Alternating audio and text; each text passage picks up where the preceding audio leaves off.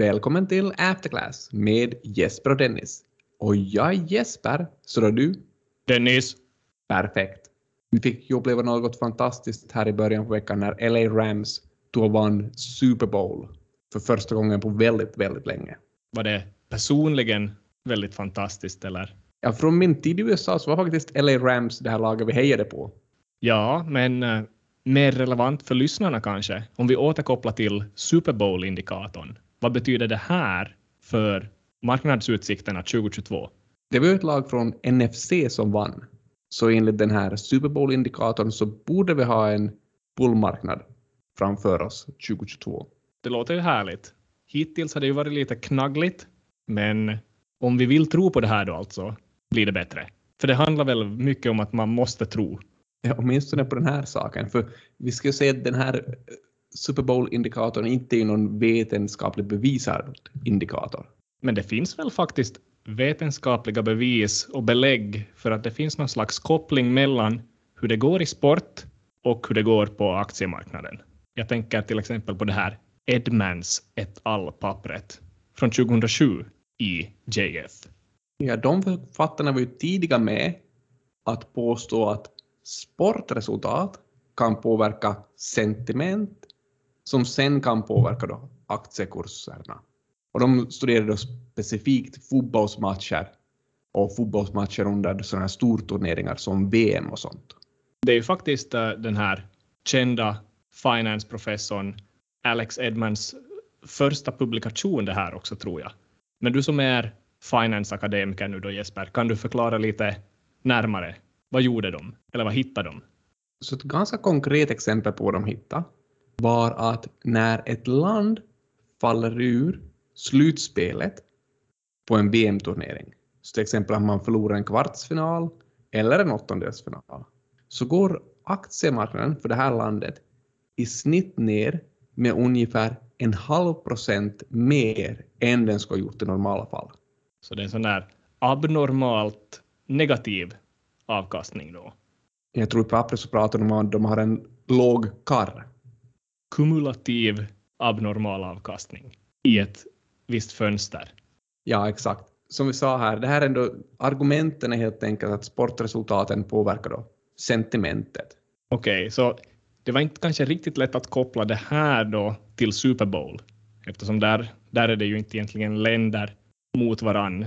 Det är väl det här att det finns bara en världsmästare i amerikansk fotboll som skulle vara USA. De har vunnit alla gånger. Men OS är ju på gång nu, vinter-OS. Kan vi dra några paralleller där? Ivo Niskanen har ju varit på hugget.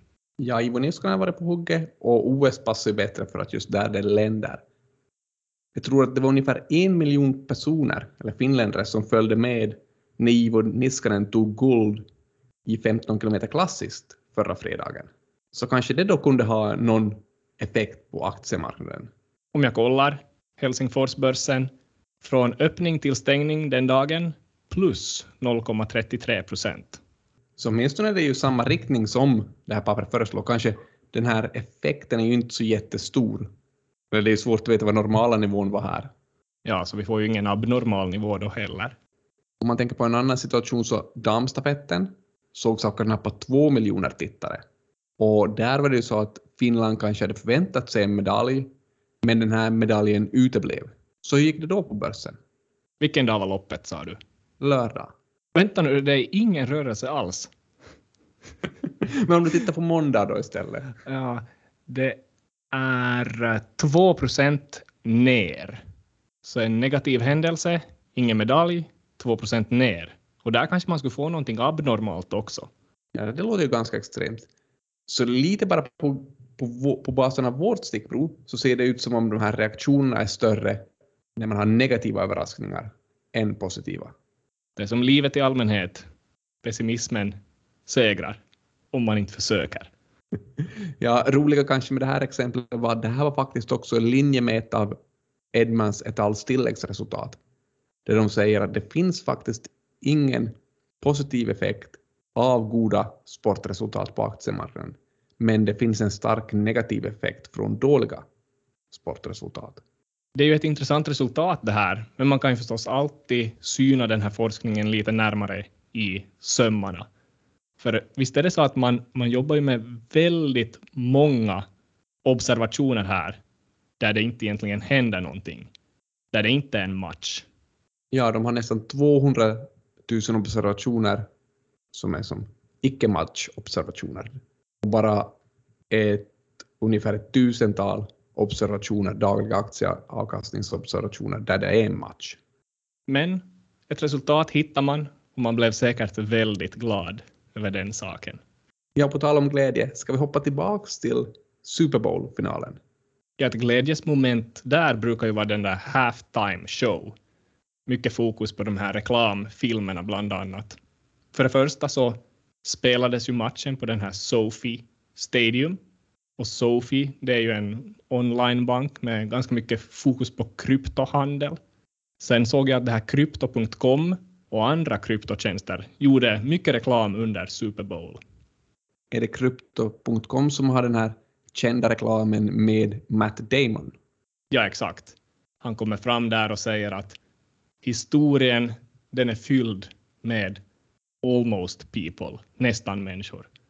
Sådana som nästan blev framgångsrika. Och sen fortsätter han att man måste vara modig för att fortune favors the brave. Får jag göra ett instick här? Tror du att det där är taget från Queens-filmen? Där den här advokaten säger Fortune favors the bold. Jag tror faktiskt att det är en översättning av, av en latinsk fras som har blivit antingen bold eller brave. Så jag vet inte vem som var först. Troligtvis någon som pratade och skrev latin. Men hur som helst, det vi ville komma till var att det här är alltså samma Matt Damon som eh, kanske är den man som i historien har sagt nej till mest pengar. Och med det här syftar du på? Ja, det var ju den gången som James Cameron höll på att göra den här Avatar-filmen. Och han behövde någon som skulle spela Jake Sully. Och Matt Damon erbjöds rollen i utbyte till lite lön, men också 10 procent av vinsten från filmen. Och folk eh, i allmänhet brukar säga att där och då förlorade han, då han sa nej alltså, cirka 250 miljoner dollar. Ja, det är ju en hel del pengar. Ja, han fick nog bara fortsätta vara i, i Kansas. och inte på Pandora. Men uh, fortsätter här nu då att Coinbase hade ju också en stor reklam. Det ryktades att de satsade 16 miljoner så där direkt på en QR-kod som blinkade på skärmen med 15 dollar gratis bitcoin bakom sig om man tryckte på den. Men tydligen hade man satsat noll dollar på att deras hemsida skulle klara av strömmen av användare som kom till sajten. Så det blev en krasch och i slutändan mycket snack, men kanske inte så många som lyckades lösa ut den där koden. Vilket sist och slutligen kanske inte var så dåligt för Coinbase. Det är länge sedan vi var inne på kryptoområdet. Jag minns förra gången vi pratade om det så påstod man ju att krypto var någon typ av skydd mot inflationen. Och det är lite som att vi har fått testa den här tesen nu när det har kommit lite inflationsoro. Men det har väl inte varit riktigt övertygande siffror ändå? Det kan man inte säga. Det kändes ju i början av året som att när aktiemarknaden gick ner med x procent så gick kryptovalutorna ner med 3x procent. Så där kändes det nästan som om kryptovalutorna var mer känsliga för den här inflationsoron än vad aktiemarknaden var. Och det är ju inte så bra skydd. Nej, man kan förstås fundera lite kring om den här nedgången inte bara var på grund av inflationen utan om det var någon typ av risksentiment som sjunkte och därför så försvann den här riskviljan till att investera i kryptovalutor också. Men det var början på året. Nu för tillfället så har kryptovalutorna stabiliserat sig lite och till och med kommit upp lite trots att aktiemarknaden har fortsatt gå lite kräftgång. Men jag vet inte riktigt om vi kan dra några slutsatser kring det här ännu. Så vi får helt enkelt vänta på mer data för att bestämma om BTC och kryptovalutorna är ett skydd mot inflationen. Vaccin verkar ju i alla fall funka lite mot covid. Eller vad säger du själv? Jag har förstått att du har haft lite personlig erfarenhet på sistone av både vaccin och covid. jo. Åtminstone så har vi haft lite covid i familjen. Och jag har då tagit mina vaccin och inte ännu drabbats, trots att vi har använt flitigt de här Wuhan-ratt-testen. Så det låter ju bra. Har ni tagit något PCR-test då? För THL rekommenderar väl de testerna? Så den i familjen som har testat positivt på ett sånt här rat-test har också tagit PCR-test och varit positivt där. För covid. Så det är mycket akronymer här. På tal om akronymer så det här försvårar ju väldigt många människors liv har jag förstått. Akronymer. Är det någon speciell du tänker på här? Ja, just den här gången tänkte jag inte på den gången som du sa att en av de här Big Four revisorsbyråerna är så kallat KMPG. Utan nu, nu tänkte jag på krisen som ingen talar om. Har du hört om den? Nej, det är ingen som talar om den. Ja, just det. Ja.